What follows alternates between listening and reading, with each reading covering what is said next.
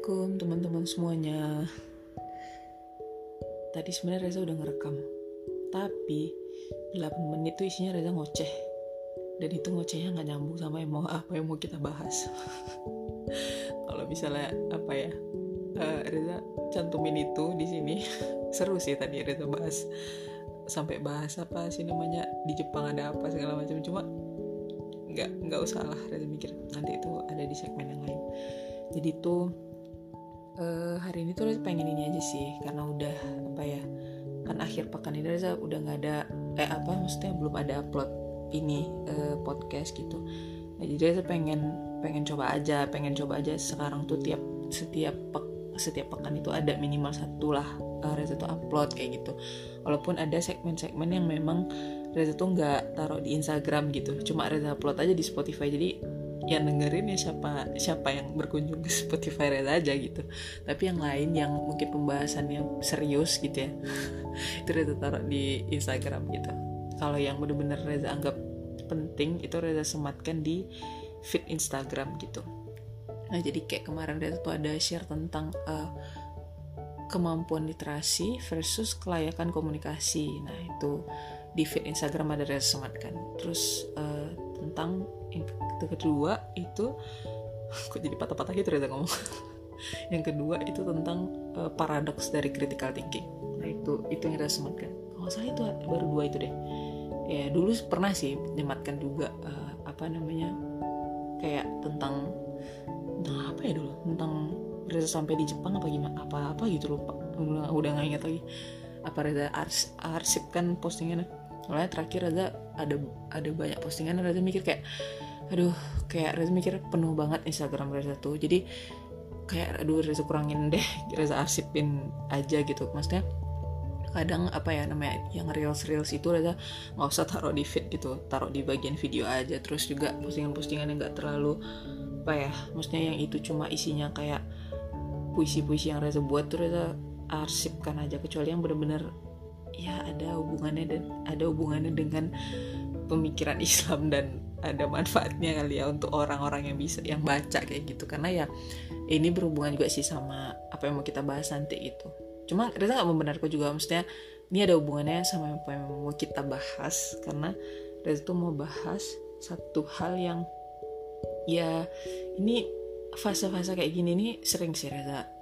Udah sudah berapa kali lah Reza jalan dalam kehidupan gitu ya. Tapi ada satu hal yang uh, menurut Reza cukup cukup jadi benang merah gitu ya sampai sekarang. Itu mengenai ekspektasi gitu. Nah jadi mungkin kita sering banget gitu ya dengar kata-kata ekspektasi gitu. Sampai kayak uh, kan sering ada meme meme gitu di Twitter atau di mana-mana lah kayak ekspektasinya apa realitanya gimana kayak gitu. Atau misalnya kayak kita ekspektasinya uh, misalnya studi keluar negeri gitu kan realitanya tiap hari rebahan kayak gitu gitu kayak gitulah ya. Reza, juga Reza juga itu sih kayak gitu juga sih gitu kan. Pernah ada di tahap-tahap kayak gitu. Jadi ya ya udah gitu. Mestinya setiap orang juga pernah pernah ada di tahap-tahap malas gitu. Nggak nggak juga apa ya yang terlihat di layar kaca itu sesuatu yang wah apa gimana gitu. Nah gitu sih. Itu nanti juga ada mau Reza bahas juga.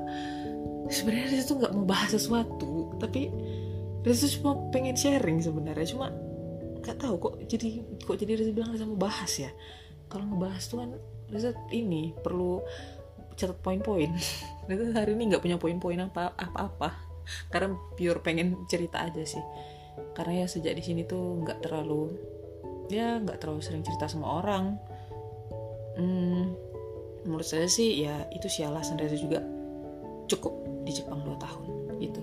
Mungkin alasan yang banyak bagi teman-teman Reza yang lain kayak nggak masuk akal. Reza tuh sering banget ditanyain dan ini nanti juga mau dari Reza ceritain kayak uh, apa namanya kenapa gitu kan kenapa nggak mau lanjut aja studi S3 di Jepang gitu. Kenapa kenapa nggak sampai expert gitu di Jepang gitu terus juga kenapa nggak apa sih namanya uh, atau nggak kenapa nggak kerja di Jepang kayak gitu gitu. Jadi uh, itu pertanyaan banyak banget ditanya sama teman-teman Reza. Bukan tanya sama orang-orang ya sama teman-teman. Karena kalau orang-orang kan Reza siapa lah Reza nggak bukan selebgram bukan siapa siapa maksudnya followers Reza juga berapa lah. Jadi nggak nggak ada orang yang nanyain kayak gitu. Maksudnya kalau misalnya kayak yang kata katanya influencer atau apa itu kan banyak yang nanyain mereka ya. Kalau Reza yang nanyain teman-teman Reza lah gitu. Teman-teman terus ya paling guru Liko terus uh, ya orang-orang yang mungkin uh, di grup mentor di grup mentoring Reza kayak gitu-gitu. Paling anak-anak tuh kan kayak oh, kok cepet banget mbak baliknya kayak gitu. Ada tuh satu anak mentor Reza kan baru lolos beasiswa juga kan di Universitas anak mentoring Reza maksudnya. Nah jadi uh, dia kayak uh, mbak jangan pergi dulu. Dari Shizuoka gitu. Jangan pergi dulu dari Jepang gitu. Nah jadi kayak Reza tuh karena agak bingung juga sih menjelaskan uh, kayak kenapa Reza nggak mau lanjut studi di Jepang gitu kan. Reza jawab ya Reza nggak mau aja kerja di Jepang gitu. Dan ternyata dan ternyata itu bukan jawaban yang bisa diterima semua orang gitu. Jadi tuh lucu kan gitu. Maksudnya kayak ini kan berhubungan juga ya sama uh, apa yang mau kita bahas nanti itu mengenai ekspektasi. Apa yang mau kita bahas lagi? Apa yang mau Reza sharing? Mengenai ekspektasi ini. Jadi gini sih uh, ya udah deh. Emang nggak bisa ya. Harus harus ini harus dibahas gitu. Maksudnya harus dari awal kayak ekspektasi kenapa disebut ekspektasi? Ya Allah ribet banget ya hidup. Ya udah deh jadi uh, ini apa ya kita coba ngomong-ngomong ini aja ngobrol-ngobrol dikit aja. Nah jadi kalau mungkin teman-teman sering ya denger ekspektasi ya kita semua sering dengar lah kata-kata ekspektasi gitu. Nah uh, kalau mungkin mungkin itu bahasa serapan ya. Soalnya kan di bahasa Inggris eh, bahasa Inggris expectation. Karena kan nggak mungkin bahasa Inggris nyerap dari bahasa Indonesia kan. Ya maksudnya logikanya nggak mungkin gitu ya secara logika gitu. Tapi ya nggak tahu kalau misalnya nanti suatu saat di masa depan Indonesia lebih advance secara literatur dan sastra gitu. Bahasa dan sastra atau literatur gitu mungkin bisa bahasa Inggris nyerap dari bahasa Indonesia gitu. Atau ada sih durian ya. Durian kan diserap tuh. Bahasa Inggris nggak ada durian karena nggak ada. Itu karena nggak ada buahnya gitu ya. Yang ada cuma di Indonesia makanya diserap. Nah jadi tuh uh, serap dari bahasa Inggris gitu ya kalau kita mau cari bentar ya.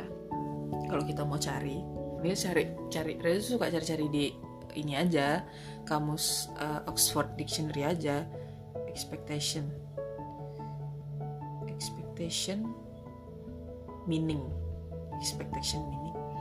Nah kalau jadi kalau di Oxford itu expectation itu a strong belief that something will happen or be the case. Nah, itu tuh kayak apa ya? Uh, sinonimnya itu kayak belief, assumption, atau kayak presumption, atau kayak apa ya? Prediction, kayak gitu gitulah. Expectancy, terus uh, bisa juga trust, ya tapi trust mungkin punya arti yang lebih luas ya gitu. Jadi expectation itu kira-kira kayak kayak perasaan apa ya atau keyakinan kita gitu bahwa sesuatu itu akan terjadi gitu. Nah itulah kira-kira. Atau sesuatu itu tuh bisa terjadi kayak gitu. Gimana ya cara jelasnya kayak gitulah gitu ya. Nah uh, kira-kira kayak gitu pengertian dari expectation gitu ya. Ekspektasi. Kita anggap lah ya uh, bahasa Indonesia nya pengertian itu juga gitu. Karena dia bahasa serapan ya. Bagi dari mana itu? Ya gitulah kira-kira ekspektasi. Jadi uh, kalau bagi Reza mungkin setiap orang setiap kita banyak ya ekspektasi itu apakah dari diri kita sendiri atau dari orang-orang yang ada di sekitar kita atau minimal dari orang tua kita sendiri gitu kan. Orang tua kita kan ketika kita terlahir di dunia walaupun nih kita tuh apa ya walaupun misal misal gitu kan uh, ekspekta apa sih namanya orang tua kita tuh mungkin ya mungkin pendidikannya nggak kayak kita sekarang atau misalnya ya mereka ya mungkin ada yang cuma sampai SD misalnya atau sampai SMP atau mungkin nggak sekolah kayak gitu. Tapi setiap orang itu pasti punya yang namanya ekspektasi gitu. Minimal minimal seminimal minimalnya itu kayak uh, kayak misalnya anaknya terlahir aku tuh apa pengen anak ini jadi anak yang soleh gitu. Itu ekspektasi yang bagus ya sebenarnya bagus banget gitu. Maksudnya setiap orang tuh pasti punya ekspektasi terhadap dirinya sendiri ataupun orang lain gitu. Kayak misalnya kita ketika kita itu sudah akil balik gitu kan ketika ketika kita sudah berpikir itu kan kita sudah mulai itu kayak aku pengen deh nanti uh, masuk ke kampus ini aku pengen deh nanti jadi ini aku pengen deh bantuin uh, apa bermanfaat bagi masyarakat di bidang ini ABC kayak gitu gitu jadi kita tuh punya banyak ekspektasi gitu. Bahkan ya itu bisa overlap juga sama cita-cita sebenarnya gitu ya. Jadi kayak ekspektasi itu ya bagian dari cita-cita kita gitu. Apa yang mau kita capai ke depan kayak gitu kan. Kita mengharapkan sesuatu itu terjadi gitu. Nggak dan itu apa ya nggak jarang juga ekspektasi-ekspektasi itu berasal dari orang-orang di sekitar kita gitu. Entah itu orang tua kita entah itu guru-guru kita entah itu teman-teman kita gitu kan. Dan e, bagi Reza pribadi ekspektasi-ekspektasi itu punya semacam momentum kapan ekspektasi itu e, apa ya suatu nilai ekspektasi itu tuh menjadi besar dan kapan nilai ekspektasi itu tuh menjadi kecil. Jadi kayak gini misalnya uh, kita di rentang usia gitu ya ini ini kita tadi ini ya udah udah tahu kalau ekspektasi itu kan bisa dari kita dan bisa dari orang-orang di sekitar kita gitu ya. Atau orang-orang yang di luar bahkan sekitar kayak orang sekarang yang influencer atau yang menyebut dirinya influencer itulah gitu kan. Itu kan banyak ekspektasi dari orang-orang yang mungkin bahkan dia nggak kenal gitu. Kita sebutlah dari netizen kayak gitu kan. Dari uh, dari rakyat global lah bahkan kayak gitu. Kayak misalnya orang-orang yang mungkin sekarang di dunia katanya ranking satu gitu kayak Elon Musk kayak gitu gitu nah itu kan dia banyak orang ekspektasi banyak ke dia kayak gitu. Nah jadi tuh bagi dia tuh ada momen-momen gitu ya di mana ekspektasi itu tuh nilainya tuh jadi bener-bener nilainya tuh jadi berarti maksudnya nilainya tuh jadi besar kayak gitu dibanding momen-momen yang lain kayak misalnya uh, apa ya namanya sebelum lahir kayak gitu kan nah ketika orang tua kita hamil tuh misalnya kan orang tua kita hamil ibu kita hamil astagfirullahaladzim laki-laki kan gak bisa hamil Enggak ya, Reza nggak mendukung itu ya. Astagfirullahaladzim. Kok jadi menjijikan. Terlalu banyak propaganda hal kayak gitu. Enggak, maksudnya ibu kita hamil. Maksudnya kan orang kedua orang tua kita itu kan punya ekspektasi ke kita kayak gitu kan. Maksudnya uh, ini bukan ekspektasi negatif ya. Maksudnya kayak kayak kalau misalnya kita baca dan kita pelajari ya dari para uh, ustadz kita dari ulama-ulama kita kayak kita kan tahu di surat uh, Ali Imran gitu kan itu kan uh, bercerita mengenai keluarganya Imron kayak gitu. Karena itu kan istrinya Hana nah melahirkan anak Maryam gitu. Nah tapi sebelum anak itu lahir gitu kan uh, ya memang sih uh, apa namanya sebelum Maryam itu lahir kan ayahnya udah meninggal dulu. Nah tapi kan ketika Hana ibunya itu masih hamil gitu ya Maryam masih dalam kandungan gitu.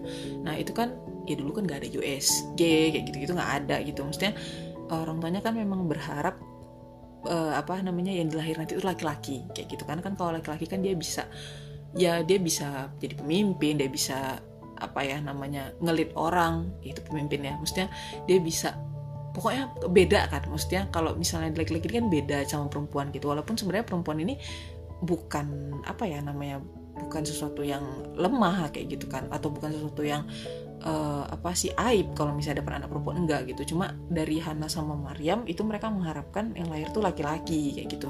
Mereka berharap banget kayak gitu. Nah tapi pas yang lahir tuh perempuan wah itu kayak nah itu kan di situ kan Allah kasih kayak semacam apa ya namanya uh, teguran kali ya kayak gitu kan. Bahasa kitanya bahasa bebasnya teguran kayak gitu.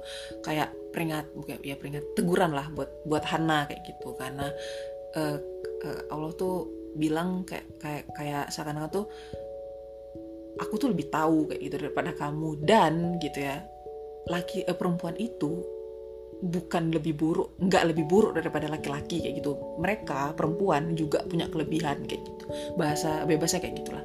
Nah jadi tuh eh, apa namanya di situ kan kayak kita apa ya tahu kalau ya sebelum kita lahir pun gitu ya itu orang tua kita tuh orang tua kita bahkan ya mungkin keluarga kita kayak gitu. Udah ada yang nanya kayak ekspektasinya tuh apa? gitu. Anaknya laki-laki atau perempuan gitu ya. Itu aja udah udah kita tuh dari sebelum lahir aja udah ada ekspektasi gitu ya terhadap kita kayak gitu kan. Padahal ya sebenarnya mau yang lahir laki-laki mau yang lahir perempuan itu nggak ada masalah gitu. Karena kita nggak bisa apa-apa kita nggak bisa adil apa-apa. Emang bisa kayak misalnya waktu ibu kita nikah nanti kita bilang uh, mereka berdua ngomong ibu bapak kita ngomong ntar anak kita perempuan ya gitu ya mau sebe mau gimana pun merencanakan kan nggak bisa karena kan bukan kita yang mengatur tubuh kita. Kayak bukan kita yang mengatur anak itu jadinya kayak apa gitu. Itu nggak gitu sama sekali kita nggak bisa mengontrol itu semua kita nggak bisa gitu kan. Nah jadi otomatis ya itu udah di luar kendali kita kayak gitu. Nah itu menurut saya jadi kayak ekspektasi itu itu ekspektasi yang menurut Reza momen pertama kali gitu ya. Itu momen yang paling berarti kayak gitu. Dan ketika apa namanya itu dan ketika kita lahir gitu kan. Nah itu mungkin ya uh, apa namanya ada orang yang ekspektasinya anaknya langsung kayak oh ini anakku nanti kalau misalnya laki-laki nih lahirnya langsung jadi penerus aku kayak gitu gitulah.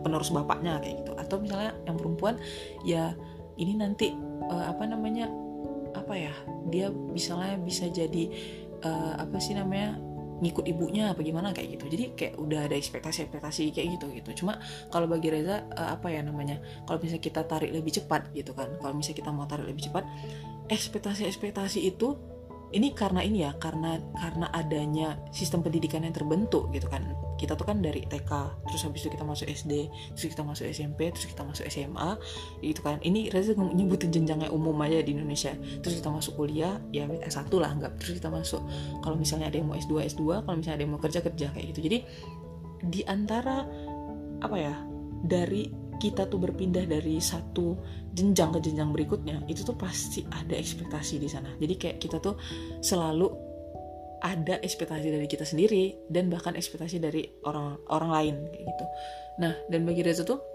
kalau di zaman sekarang gitu ya eh sorry kalau misalnya di zaman dulu kita kayak gitu ya ya walaupun Reza Reza masih generasi apa ya masuk Gen Z lah ya Reza tuh cuma ya kita kan apa ya ada sempat mengalami masa-masa yang ya kalau kita tuh yang namanya masuk SD ya kelas 1 sampai kelas 3 tuh ya main gitu loh. Maksudnya kita nggak ada tuh yang dibebani sama yang namanya SD favorit lah apalah. Sumpah Reza sampai saya nggak nggak ada memikirkan hal itu. Bahkan Reza aja baru tahu kalau ada sekolah favorit-favorit gitu tuh pas Reza mau masuk SMA gitu. Kayak gitu kan.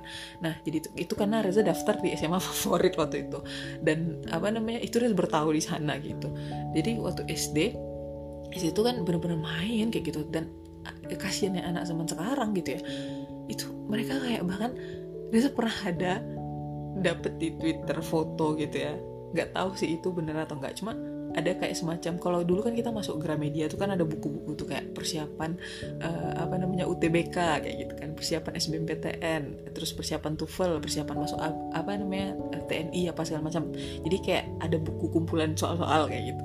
Nah terus uh, apa namanya kemarin eh, apa bukan kemarin waktu itu Reza tuh lihat di Twitter itu tuh kayak ada kayak gimana caranya masuk TK favorit? Reza kayak aduh TK ngapain sih? Mesti kayak Reza mikir kok standar standarnya tuh jadi yang favorit atau nggak favorit gitu? Mestinya kalau Reza pribadi ya gitu mikirnya. Asalkan mestinya asalkan sekolah itu sekolah apa asalkan sekolahnya tuh uh, mengenalkan kita dengan Islam kayak gitu. Misalnya Reza kan dulu dari TK Islam ya.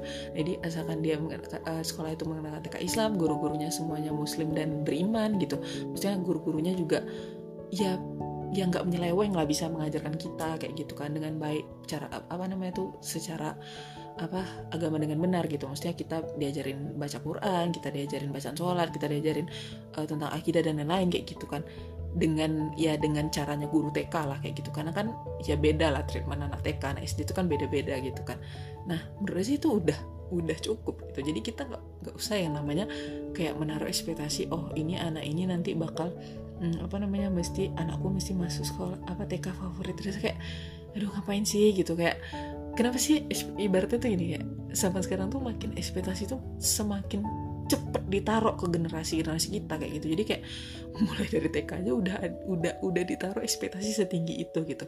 Nah bahkan dan bah, apa yang bahkan gitu ya itu kayak ekspektasi ekspektasi seperti itu tuh baru kalau Reza pribadi baru Reza rasa waktu waktu masuk SMA gitu bahkan waktu Reza tuh mau masuk SMP itu aja kayak papa Reza tuh kayak cuma Reza mau coba daftar di ini nggak? Di sanawiyah nggak? gitu. Ya udah daftar aja gitu. Itu bener-bener noting tulus aja gitu. Walaupun apa ya katanya ada yang bakal nggak lolos apa segala macam. Ya udah Reza noting tulus datang. Katanya katanya nggak ada tes tulis. Tapi katanya kan bakal dites baca Quran. Udah Reza baca Quran gitu. Dites hafalan udah Reza setoran gitu kan. Dites doa doa umum gitu. Ya udah Reza dia udah Reza baca doa doa umum gitu. Dan akhirnya lolos ya udah gitu. Dan itu nggak sama sekali kayak ya wah wah banget tuh ya udah gitu loh biasa aja gitu kalau Reza pribadi nah yang apa namanya yang mulai apa ya Reza ngerasain itu pas baru masuk SMA gitu. Itu kan kayak bener-bener uh, waktu itu awalnya sih Reza tuh nggak tahu kalau yang Reza daftar ini itu sekolah yang bener-bener kayak itu tuh incaran incaran orang kayak satu ri, provinsi Riau tuh orang mau ke sana semua gitu. Itu ke Sekma Plus kan Sekma Plus provinsi Riau gitu. Ya apa namanya? Itu waktu itu di satu di sekolah Reza itu yang daftar tuh dua orang. Reza ada sama satu ada cowok temen Reza gitu. Dia mau pinter sih matematikanya pinter gitu. Cuma Reza kayak dari dulu sama dia tuh kayak gimana ya ya nggak pernah ngomong aja gitu karena kayak dingin dingin gak jelas gitu lah ya tau lah kalau anak pinter gimana gitu kan. Kok di kelas tuh ya dia matematika dia bisa jawab semua kayak gitu. Cuma temannya nggak ada. Kayak gitulah. Dia apa ya temennya tuh dikit banget gitu. Sempet jadi ketua osis cuma kayak ya kayak gitulah. Kayak bener-bener apa ya anaknya tuh pinter leadershipnya bagus gitu. Cuma temennya dikit banget gitu. Dan dia lolos kan waktu itu lolos dia masuk SMA Plus itu gitu. Dan dia juga jadi dia juga jadi wakil ketua osis di SMA Plus jadi kayak bener-bener apa ya uh, emang udah bagus sih didikan bapaknya gitu ya. Karena bapaknya kepala sekolah Reza dulu waktu SMP jadi kayak kayak orang tuh udah udah biasa aja. Kayak kayak oh ya dia pasti lolos ya SMA plus gak mungkin gak lolos gitu. Orang bapaknya juga udah dikenal gitu. Tapi Reza mikir ya sebenarnya bukan karena bapaknya sih emang dia pinter gitu. Nah terus kami tuh berdua yang daftar. Reza nggak lolos kan dia lolos. Terus di situ tuh Reza ngerasain bener-bener pertama kali di pressure sama orang-orang yang Reza nggak expect gitu. Maksudnya waktu Reza tuh kan sempet tuh waktu lagi seleksi kan itu seleksinya ada empat tahap. Jadi waktu selek, mau seleksi tahap keempat jadi jadi tahap ke satu gugur ada yang gugur gitu. Lanjut tahap kedua lanjut tahap ketiga lanjut lanjut sampai tahap empat gitu tahap terakhir. Nah Reza tuh tahap satu sampai tahap tiga itu tuh lolos gitu. Itu kan kayak apa ya yang awalnya Reza tuh kayak bener-bener nggak niat daftar gitu ya. Tapi karena papa Reza nyuruh gitu bahkan itu yang daftarin kayak yang fotokopi raport, fotokopi sertifikat, sertifikat Reza itu Papa Reza gitu. Papa Reza yang daftarin ke sekolah, Reza cuma kayak nunggu di, nunggu di mobil ikut ikut kayak ya Reza ikut ya udah gitu. Udah gitu doang. Jadi bener-bener gak SP apa-apa dan waktu Papa Reza tahu Reza lolos tahap satu itu kayak langsung bener-bener setelah itu dikasih kayak semacam motivasi-motivasi ayo kamu harus ini kamu harus ini kayak gitu dan akhirnya muncullah ekspektasi-ekspektasi yang gede banget kayak gitu terus waktu itu uh, apa namanya waktu mau seleksi yang tahap keempat gitu kan itu Reza sempat balik ke SMP bukan balik SMP, bukan balik sekolah ya maksudnya Reza ngurus sesuatu ngurus apa gitu. Dan itu ketemu sama guru-guru kan ketemu sama guru-guru dan apa ya ya nggak salah juga sih maksudnya dari kelas 1 sampai kelas 3 SMP Reza ranking satu terus. Jadi kayak banyak ekspektasi itu banyak banget dari guru-guru tuh. Jadi kayak guru-guru tuh udah bilang e, Reza gimana? Udah apa udah sampai tahap berapa? Daftar SMA plusnya gitu udah sampai tahap terakhir bu gitu kan. Terus oh iya gitu. Jadi kayak eh, semoga lolos ya semoga lolos ya kayak gitu kan. Jadi kayak hampir Reza masuk majelis guru gitu ya ruangan majelis guru itu kayak semua mata tertuju. Jadi kayak itu kayak asfal itu bener-bener beban yang luar biasa. Tapi ada satu guru satu guru guru ini guru sejarah dan namanya Bu Roni masih ingat banget. Ibu ini non muslim sih cuma Reza di sana ngambil hikmah yang luar biasa saya dari Bu Roni. Jadi Bu Roni itu udah selesai guru-guru nih ngomong gitu. Guru itu tiba-tiba kayak ngedeket gitu ke Reza. Dia bilang kayak e, nak katanya gitu kan. E, ibu tahu kamu sekarang lagi berat banget gitu kata ibu tuh maksudnya semua orang ekspektasi kamu lolos gitu. Tapi tapi yang tapi kan kamu tahu biasanya dari masing-masing sekolah kalau misalnya cuma kalau misalnya yang daftar tuh dua biasanya yang lolos cuma satu gitu. Dan sayangan kamu sayangan kamu Rama loh gitu namanya Rama kan. Terus kayak ya Rama tuh kayak ya, ya kita tuh dari dulu tuh kayak racing gitu loh. Tapi beda kelas aja gitu. Dan waktu waktu waktu kelas 3 SMP itu kan waktu kita mau UN ini sistem yang bagus sih di sekolah Reza jadi waktu kita mau UN gitu kan itu tuh kita kelas kita tuh dibagi berdasarkan nilai kita. Jadi kayak ada apa uh, kelas yang paling kelas yang paling ujung itu kelas yang anak-anaknya memang dibina sedikit aja udah nilai UN-nya pasti udah tinggi gitu. Tapi ada kelas yang memang anak-anaknya harus diajarin dari awal kayak gitu. Itu semester terakhir kalau nggak salah ya semester terakhir menjelang UN gitu. Itu lumayan bagus sih. Lumayan works banget ningkatin nilai UN kayak gitu waktu itu kan. Dan itu rasa sekelas sama Rama. Di situ rasa kayak tahu dia orang anaknya dingin banget kayak gitu. Dan kayak kayak kalau di kelas tuh dia bisa jawab semua soal matematika kayak gitu kan itu kan Reza kayak racing di kelas sama dia. Kayak misalnya ada yang bisa jawab nggak? Gitu kan. Itu Reza kayak nyari itu kok Reza nggak dapet dapet ya jawabannya. Udah tiga kali guru nanya dia terus yang maju. Itu Reza kayak kayak kayak ada rasa-rasa gimana gitu kan. Makanya waktu waktu Reza daftar ke SMA Plus itu kayak sama dia tuh bener-bener kayak duh saingan gue nih gitu. Padahal kita satu sekolah gitu kan. Harusnya kan kita kompak ya. Tapi enggak dia saingan gue gitu. Nah jadi kayak Bu Roni itu atau kan guru sejarah dia bilang ibu tahu lagi ini beban kamu lagi berat gitu kata ibu tuh. Nah tapi gitu ya kalau misalnya kamu nggak lolos gitu ibu harap kamu jangan patah semangat ya kata ibu tuh. Ibu yakin kok masih banyak sekolah yang terbaik buat kamu kata ibu tuh. Jadi kayak situ Reza kayak bener-bener dari sekian banyak orang yang bahkan ayah Reza sendiri gitu ya. Ayah Reza sendiri bener-bener uh, kayak bisa Reza bisa Reza jadi kayak uh, kalau misalnya teman-teman ada yang tahu ya seleksi tahap 4 di SMA Plus Provinsi Riau itu itu banyak tes fisik tes tes speaking bahasa Inggris bahasa Indonesia tes baca Quran tes ya baca Quran biasa. Maksudnya masa kita nggak bisa baca Quran sih kan kita muslim. Terus tes TOEFL tes psikotes oh banyak tes lari lari 12 keliling. Tuh bayangin kayak aduh apaan sih? Gue pokoknya rangkaian tesnya tuh banyak hampir seminggu dah itu tesnya. Reza tumbang waktu itu beneran tumbang. Jadi kayak di situ bener-bener parah banget sih. Dan itu kayak apa ya namanya Papa Reza tuh kayak sebelum Reza tes itu itu sebulan sebelumnya Reza udah latihan lari tiap hari. Tiap hari latihan lari tiap pagi.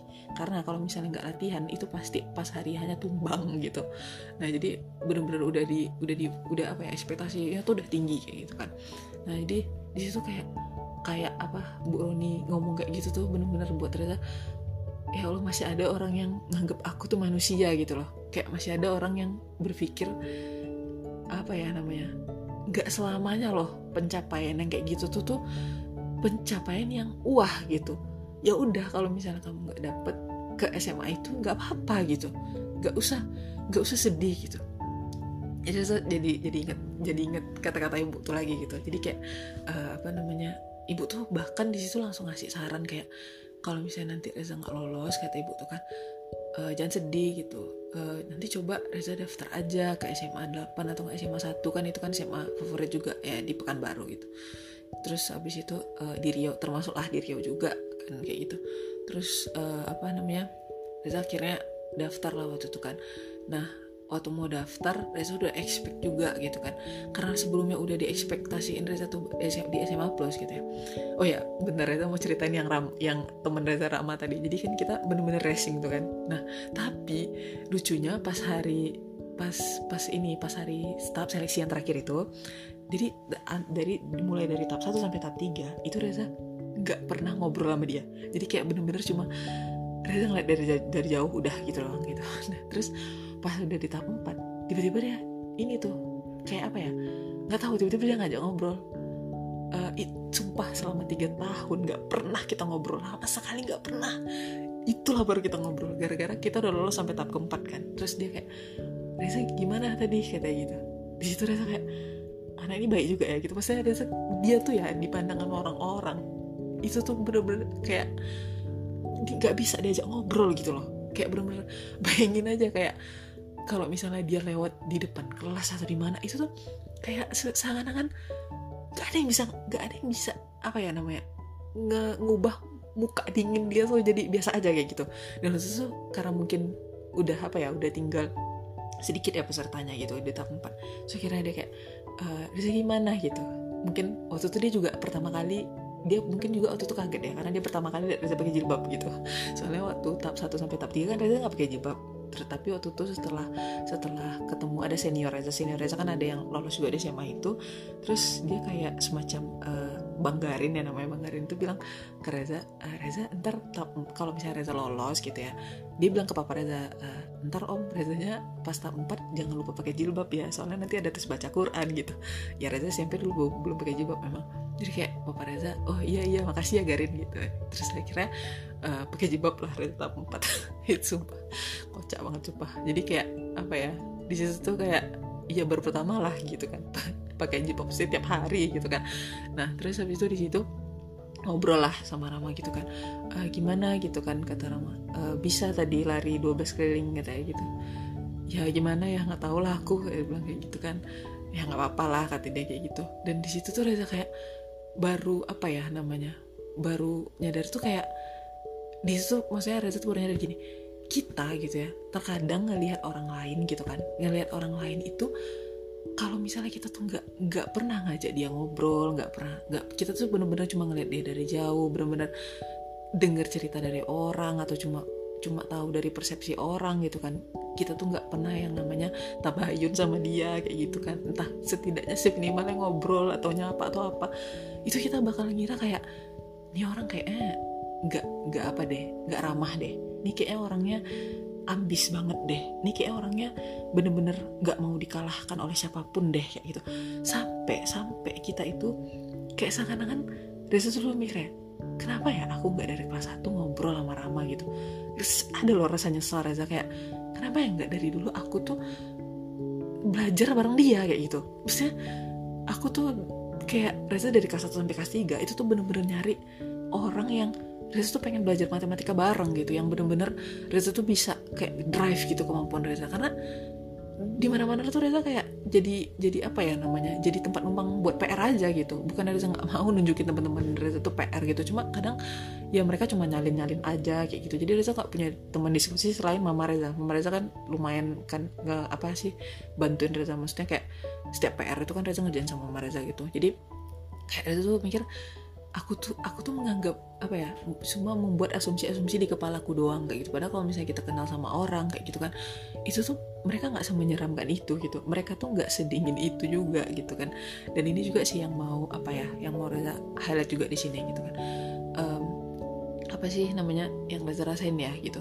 Di semakin entah mungkin semakin ke sini gitu ya zaman semakin berubah apa gimana ya nggak tau lah mungkin mungkin persepsi orang terhadap zaman berubah itu juga berbeda-beda kayak gitu. Tapi bagi Reza ya semakin kita hidup di sosial media kayak gini gitu kan semakin kita setiap hari hmm, apa ya namanya melihat orang itu hanya dari potongan-potongan gambar kayak gitu kan.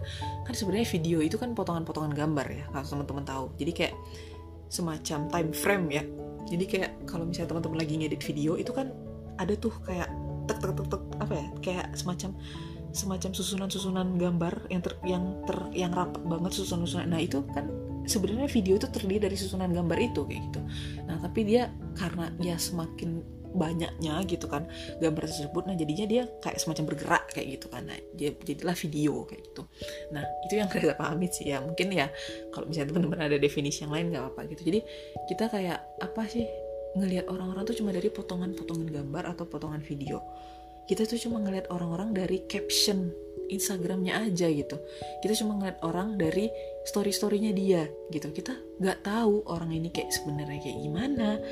Dia tuh cara berkomunikasinya sama orang lain tuh kayak gimana gitu. Maksudnya kayak kadang kayak Reza sendiri gitu kan. Uh, apa mungkin kalau orang yang tahu Reza itu di Instagram gitu ya di Instagram doang gitu.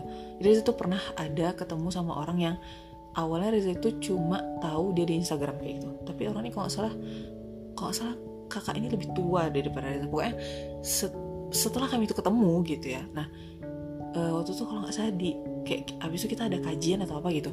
Reza lupa gitu kan. Nah intinya tuh kita kayak ada ngobrolin soal ya soal Islam juga kayak gitu kan. Soal pemikiran Islam dan lain-lain. Terus kakak tuh bilang kayak uh, apa Reza ini doang apa? Katanya. Uh, apa sih namanya? Reza uh, buat dong kayak semacam apa sih kajian gitu kata gitu kan. Reza kayak hah? Kajian apa kak? Gitu Reza kayak ya Reza kan sering tuh apa sih namanya tuh mengkritik-kritik kayak gitu apa sih namanya uh, di Instagram kayak gitu kan. Maksudnya Reza kan sering tuh bahas-bahas sesuatu uh, tentang Islam tentang apa kayak gitu di Instagram kayak gitu kan. Reza kan sering buat-buat hal-hal yang mungkin apa ya kontradiktif dari orang-orang kayak gitu. Justru Reza kayak aku nggak kayak gitu banget sih gitu di, maksudnya di situ Reza kayak baru sadar kalau ternyata ada loh orang-orang yang ngelihat orang lain tuh bener-bener cuma oh dia di Instagram kayak gini orang posting AB di si, si misalnya nih kayak Reza Reza posting ABC gitu kan. Reza misalnya posting tentang apa Reza lagi ngapain misalnya lagi aktivitas Reza lagi sama organisasi Reza Reza posting misalnya sebagian doang kayak gitu. Dan Reza nggak yang tipe yang bener-bener apa ya lagi kerja itu diposting apa. Reza tuh nggak suka sebenarnya kayak gitu cuma kayak mana ya? Ya kadang-kadang kadang-kadang ada yang perlu Reza upload gitu ya biar orang nggak berpikiran yang kayak kakak tadi gitu. Jadi kayak seakan-akan tuh Reza tuh jadi orang yang apa ya jadi orang ya seakan-akan ya ketika kakak tuh ngomong kayak gitu. Bahkan waktu itu dia bilang kayak gini e, apa sih namanya Reza nih kayaknya jago ya debat-debat gitu. Itu kayak Reza padahal ya yang Reza share di Instagram tuh tau nggak apa? Yang Reza share itu waktu itu debat Rocky Gerung sama siapa kayak gitu. Reza kayak Reza tuh cuma suka nontonin debat Rocky Gerung aja gitu. Nggak berarti Reza tuh bisa berdebat kayak gitu gitu loh. Jadi kayak kayak Reza mikir gini jadinya tuh si kakak ini memframing Reza tuh Reza ini orangnya nyolot gitu loh. Kayak Reza mikir kok gitu ya? Maksudnya kayak bener-bener dengan sosial media ini ekspektasi orang ke kita itu tuh benar-benar jadi blunder gitu. Ini bagi Reza pribadi ya. Jadi kayak ini orang ngelihat kita jadi orang tuh mengekspektasikan oh kalau misalnya kayak Reza nih oh kalau misalnya Reza suka bahas mengenai sains Reza suka bahas mengenai apa sih namanya uh, pemikiran-pemikiran Islam kayak gitu-gitu kan. Oh itu berarti Reza menguasai bidang itu banget nih kayak gitu kan. Padahal enggak gitu. Reza enggak yang kayak gitu banget gitu. Reza tuh cuma cuma gini loh. Kak, nih ya ini yang isi pikiran Reza ya. Reza cuma gini ini kan kita main sosmed gitu ya sosial media ini punya yang namanya algoritma gitu. Itu yang ini Reza pahamin. Dan kalau misalnya algoritma ini kita pergunakan gitu ya ini tuh kan bakal jadi tabungan jariah kita nanti kayak gitu. Ini harus mikir. Jadi kayak apa yang kita like apa yang kita apa namanya apa yang kita like apa yang kita uh, posting apa yang kita hash, kasih hashtag apa yang kita komen apa yang kita share itu tuh bakal berimbas kepada follow followers followers kita kayak gitu. Dan followers ini bukan soal kita tuh di follow berapa banyak orang ya enggak gitu. Tapi ini soal pertanggungjawaban kita gitu. Apakah orang-orang yang follow kita ini nanti ada kecipratan uh, apa sih namanya manfaatnya dari kita apa enggak kayak gitu? Apakah gara-gara dia follow kita dia jadinya ikut ikutan berpikiran yang aneh-aneh kayak gitu nah Reza tuh nggak mau kayak gitu gitu nah jadi Reza ya berusaha sebisa mungkin walaupun ya masih banyak juga maksiat Reza kayak gitu kan. Tapi Reza berusaha sebisa mungkin kayak gimana caranya gitu. Nih Reza mikir gini guru-guru kita itu banyak gitu ya. Maksudnya para ulama kita tuh banyak ustad apa sih ustad-ustad kita itu banyak yang kredibel itu banyak. Tapi yang terekspos media gitu ya itu tuh nggak nggak banyak gitu. Padahal sebenarnya bukan Reza bilang Ustad Abdul Somad tuh nggak bagus bukan Reza bilang Ustad Adi Hidayat atau Ustad Anak Ataki atau Ustad Felix atau, atau siapa itu tuh nggak bagus. Enggak Reza bukan nggak bilang itu. Cuma yang namanya orang setiap orang gitu ya. Bahkan Ustad Adi kan pernah bilang kayak kalau misalnya kalian tuh ngaji jangan cuma sama saya gitu. Kan banyak ustadz-ustadz yang lain. Karena gini setiap orang itu tuh nggak mungkin cuma menguasai satu semua bidang gitu. Itu nggak mungkin nggak mungkin sama sekali. Jadi tiap orang itu pasti dia tuh punya spesifikasi tertentu gitu ya. Dan dia punya sentuhan-sentuhan khusus terhadap ilmu yang dia pelajari kayak gitu. Dan ketika dia menyampaikan sesuatu itu tuh bener-bener kena ke kita. Kayak Reza tuh dulu gitu ya dulu waktu Reza masih lagi apa namanya uh, apa concern-concernnya misalnya kayak waktu Ustadz Adi masih punya Quantum Akhir Channel gitu dulu ya waktu sebelum diganti jadi apa Adi official yang sekarang gitu kan. Itu kan Ustadz Adi sering ngebahas mengenai apa sih namanya manhaj mazhab, mazhab kayak gitu gitu kan. Nah itu Reza bener-bener kayak apa butuh ilmu itu. Jadi Reza kayak bener-bener ikutin Ustadz Adi di sana gitu. Nah terus habis itu Reza juga ikutin Ustadz Abdul Somad juga kayak gitu yang bahas mirip-mirip juga kayak gitu kan. Nah terus uh, semakin ke sini gitu kan Reza tuh kayak kayak bener-bener kayak aku mesti belajar sejarah deh gitu. Maksudnya tuh nggak bisa belajar Islam tuh dari potongan-potongan doang kayak gitu. Dan kalaupun aku tuh uh, apa bisa belajar Islam dari potongan-potongan kayak gitu ya itu tuh cukup pasti itu cuma cukup buat diriku sendiri gitu. Masa sih aku nggak mau memanfaatkan kesempatan dakwah ini gitu? Nah Reza mikir kayak gitu kan. Jadi Reza kayak siapa nih Ustadz yang bener-bener aku tuh kayak kalau denger dia lagi jelasin siroh gitu kan siroh nabawiyah gitu khususnya itu aku kayak ini yang gue cari gitu. Nah itu tuh ketemu gitu kan. Ketemu waktu itu pertama kali Ustadz Budi Ashari gitu kan. Itu kayak wah mantep ya Ustadz ini jelasin gitu. Ustadz, Ustadz Budi Ashari sebenarnya bukan Siro Nabawi ya pertama kali Reza ini uh, mengenai sejarah dan peradaban Islam pertama. Reza kayak wah keren Ustadz, Ustadz Budi ini keren banget gitu. Nah terus setelah itu Reza cari-cari dan ternyata ya apa namanya ada Ustadz Asep Ustadz Asep Sobari kan Reza denger wah Ustadz Asep ini gila sih. Siro Nabawiyahnya gila banget gitu. Reza kayak wah kenapa Reza nggak ini ya? Maksudnya nggak nyadar sekarang gitu. Padahal dulu Reza juga udah pernah apa ya namanya nemuin yang namanya apa usah Asep Sobari ini Reza dulu dari dulu udah pernah nemuin gitu. Cuma Reza nggak ngeh aja gitu. Karena mungkin dulu belum belum tertarik atau gimana kali ya dengan Ciroh kayak gitu. Dan itu Reza kayak tapi ini Ustadz asapnya belum terekspos nih. Maksudnya dia belum belum ter belum ter ter apa ya terkanalisasi ke mana-mana kayak gitu. Nah di situ Reza kayak Reza pengen mengkanalisasi ini. Udah. Jadi tujuan Reza tuh Reza nggak pengen share tuh yang apa ya namanya Reza yang paling tahu Reza paling apa enggak justru Reza nggak sama sekali nggak punya ilmunya. Karena itu Reza tuh sharing dari para ustadz ustadz Reza kayak gitu. Dari orang-orang yang ahli bener-bener ahli di bidangnya kayak gitu. Jadi nggak yang orang nggak yang sembarang ngomong jadi kayak gitu ya. Reza bener-bener nggak mau kayak gitu. Nah jadi tuh karena sering ngejar-ngejar kayak gitu jadi dianggap kayak seakan-akan bahkan pernah ada yang bilang ya ke Reza gitu kan uh, sempet tuh ada yang nanya ke Reza kau tuh kayak kalau anak pekan baru lo kan panggil kau kau gitu ya kayak sebenarnya itu kasar sih cuma kalau di pekan baru tuh itu biasa gitu. Dia kayak sampai sampai ada yang sampai ada yang pernah uh, nanya tuh kau tuh pernah ini gak sih? katanya pernah berbuat dosa gak sih? katanya kayak gitu. Di situ Reza kayak sedih banget loh Reza denger itu. Kayak gini maksudnya kok bisa gitu ya? Dia berpikir kayak gitu gitu. Ke Reza gitu. Maksudnya i oke okay lah kalau misalnya dia tuh berpikiran positif ke Reza tapi yang namanya kita manusia gitu ya. Itu nggak mungkin nggak pernah buat dosa gitu loh. Dan dia bilang nggak kau tuh pernah nggak sih berbuat maksiat kayak gitu?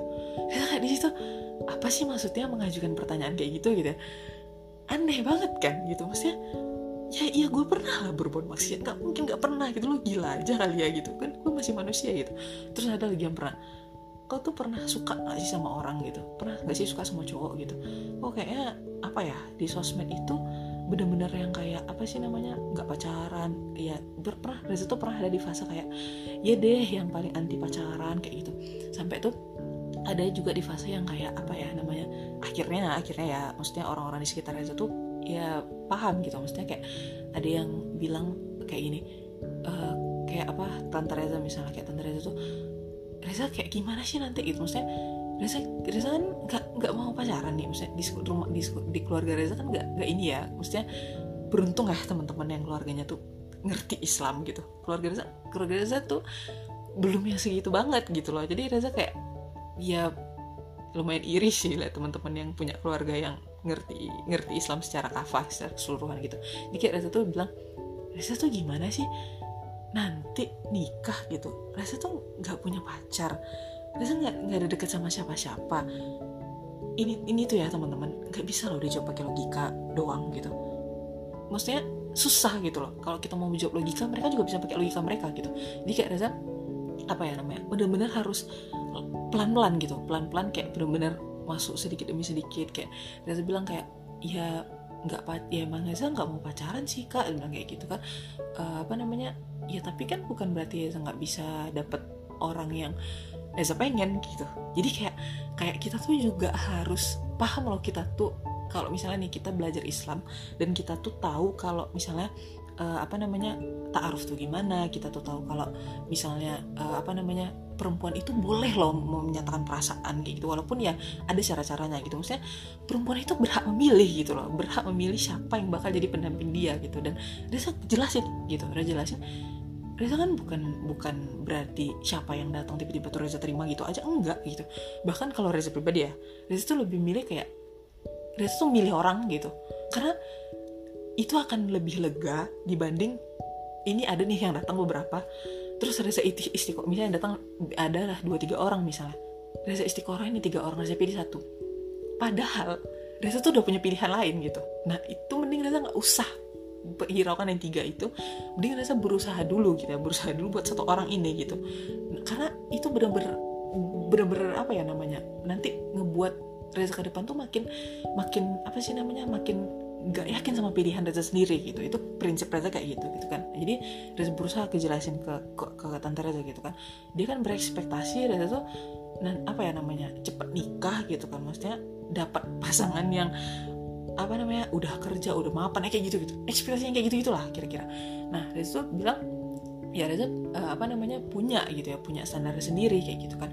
Uh, apa namanya tapi bukan berarti Reza bilang kayak gitu kan bukan berarti Reza walaupun Reza punya standar sendiri bukan berarti juga Reza tuh suka-suka aja nolak-nolak orang. Enggak kayak gitu juga gitu kan.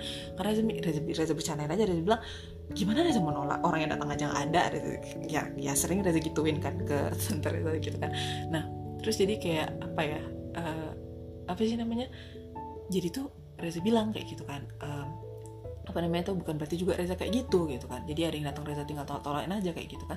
Dan mereka tuh kayak ekspektasinya tuh kayak gini jangan cari sampai yang alim banget deh gitu. Nah ini tuh kayak bagi Reza pribadi ya gitu. Ini susah sih maksudnya untuk menghilangkan ekspektasi ini. Ini jujur jadi ya, jadi kayak ini lumayan yang mau Reza bahas sih sebenarnya. Jadi kayak apa ya uh, menghilangkan ekspektasi kayak perempuan gitu ya dia tuh nggak usah cari yang uh, alim alim banget gitu. Maksudnya kayak gini perempuan tuh dituntut kayak yang penting dia sholat deh gitu. Yang penting dia bisa baca Quran deh gitu. Atau setidaknya dia yang penting surat-surat pendek hafal deh gitu. Setidaknya dia sholat Jumat ke masjid deh gitu. Ya kalau sholat Jumat di rumah mah muslimah ya bukan muslim gitu ya. Nah jadi ih sholat muslimah juga sholat Jumat gitu kita kalau yang syafi'i ya nah jadi apa ya namanya ekspektasi-ekspektasi yang dibuat itu gitu ya itu tuh ini bagi Reza pribadi gitu ya terlalu tinggi dalam urusan duniawi kayak misalnya kalau bisa itu udah kerja, kalau bisa gajian tuh segini, kalau bisa dia udah kerja di sini, kalau bisa dia udah lulus S1, kalau dia bisa udah ini ini ini kayak gitu kan. Ekspektasi dunianya tuh tinggi banget, tinggi banget, tinggi banget. Tapi ekspektasi akhiratnya tuh Allah kayak gitu ya. Standar banget masa masa ya? Ini ini, ini prinsip Reza pribadi. Prinsip Reza tuh kayak gini. Ini kalau kita sebagai muslim kita meyakini laki-laki itu imam masa iya sih kita itu apa ya namanya nanti di dalam rumah tangga kita kita tuh mau ikut sama orang yang dia sama sama dia sama Tuhan aja dia nggak kenal gitu loh. Bayangin kayak dia dia aja nggak yakin sama agama dia sendiri gitu. Dia aja nggak bisa membuktikan keimanan itu bener. Dia tuh bener gak sih menuhankan Allah? Dia tuh bener gak sih beriman sama Rasulullah? Dia tuh paham gak sih Rasulullah tuh siapa gitu? Dia, dia paham gak sih gitu? Kalau standar kita yang penting dia sholat deh. Yang penting sholat tuh kayak gimana maksudnya gitu ya. Nah jadi ini tuh bener-bener maksudnya tuh kayak kita tuh terkadang gitu ya ekspektasi itu tuh terlalu tinggi soal dunia gitu ya. Tapi ekspektasi kita tuh bener-bener hampir nggak ada soal akhirat gitu. Itu yang bener-bener hampir hilang. Jujur kayak kalau Reza pribadi juga terseret-seret gitu ya. Ya bukan berarti Reza di sini bilang kayak Reza tuh nggak ada ngelakuin dosa kayak kayak yang di di apa dilabelin teman-teman Reza tadi.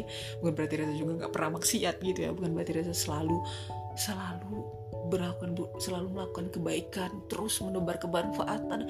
Nggak gitu juga gitu. Cuma kita tuh gini loh kalau misalnya kita tuh udah udah apa ya namanya kita tuh sadar kita tuh nanti semua tuh berpulang dan yang dipertanggungjawabkan itu di akhirat ya ini, ini kita bicara sebagai muslim aja nih di akhirat nanti yang dipertanggungjawabkan apa? Amal kebaikan kita kan amal kebaik dan amal buruk kita tuh bener-bener dipertanggungjawabkan kan gitu. Tapi kita tuh ekspektasi kita terhadap itu tuh biasa aja gitu loh.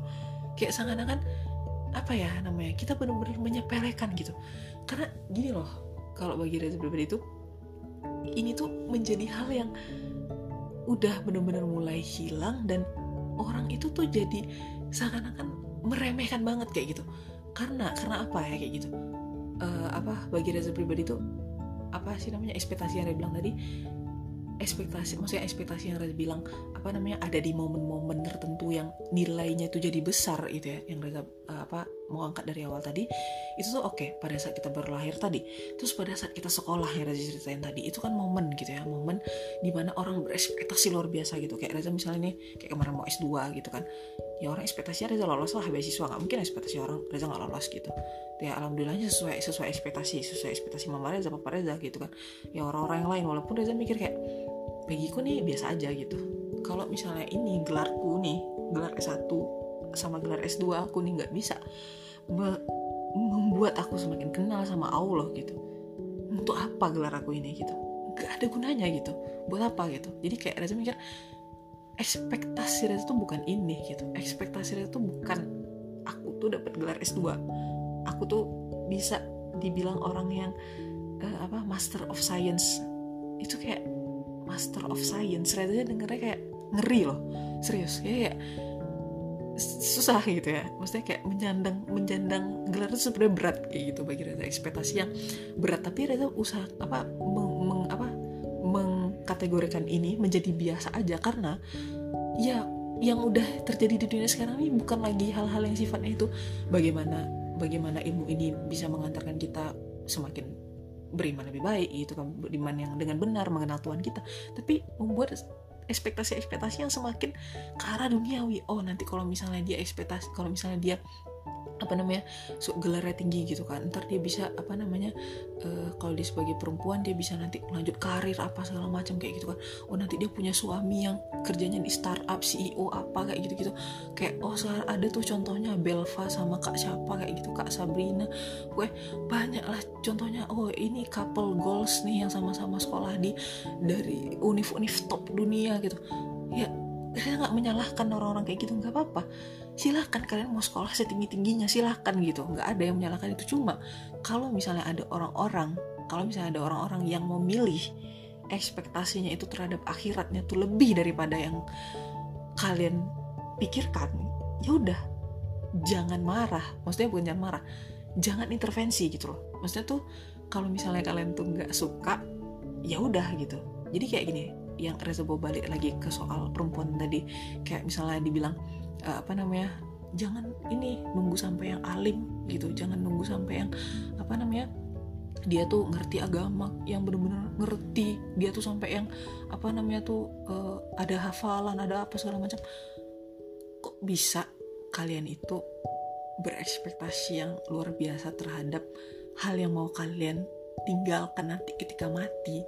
Tapi kalian nggak punya ekspektasi yang kayak gitu juga nilainya untuk sesuatu yang kalian bawa mati nanti gitu. Itu bener-bener bagi saya ya gak make sense sama sekali. Gak masuk akal sama sekali gitu.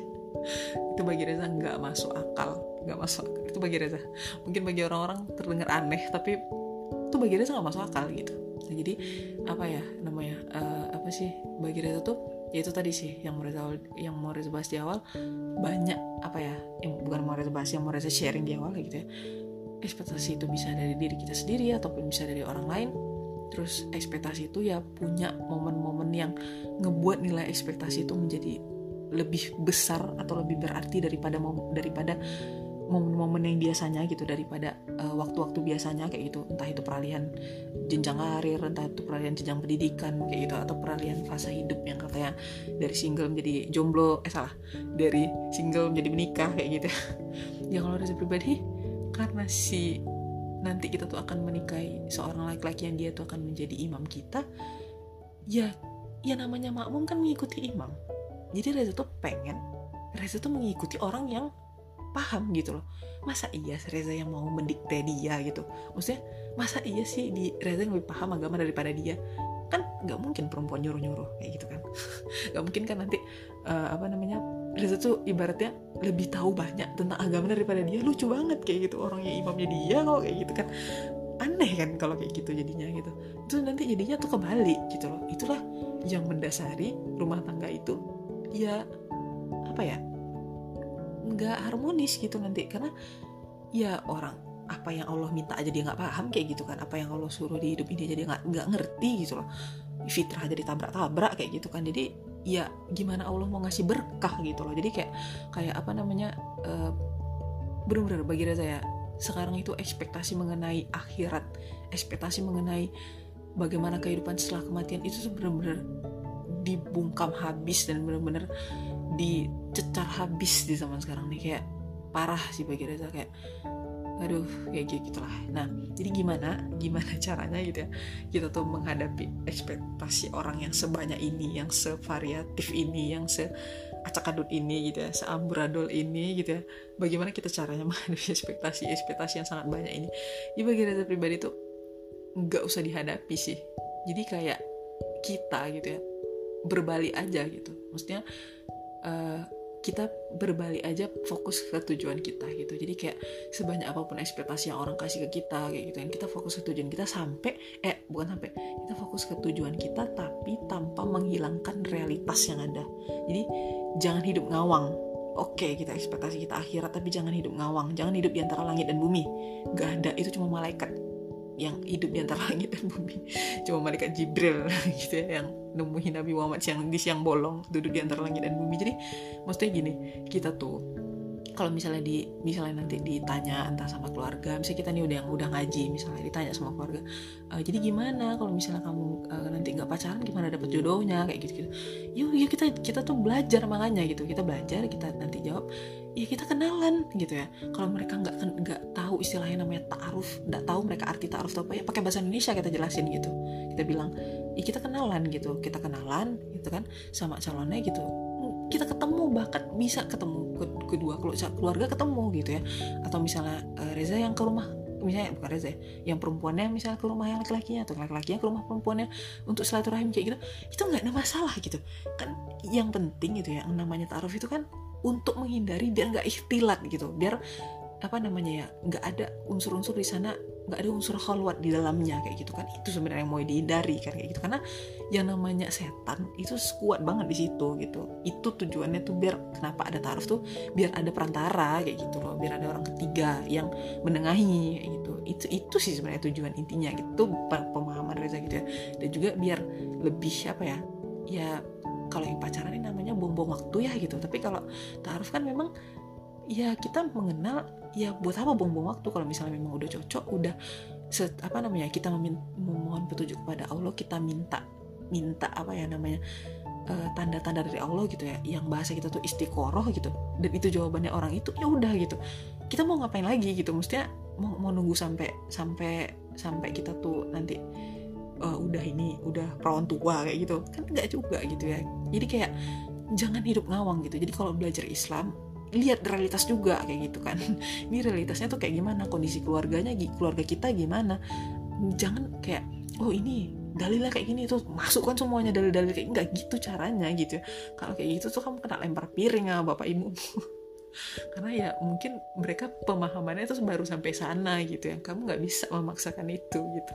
Nah gitu sih kalau bagi Reza pribadi. Jadi mengenai ekspektasi ini kita memang apa ya daripada kita banyak-banyak berekspektasi dan memikirkan banyak ekspektasi orang kayak gitu.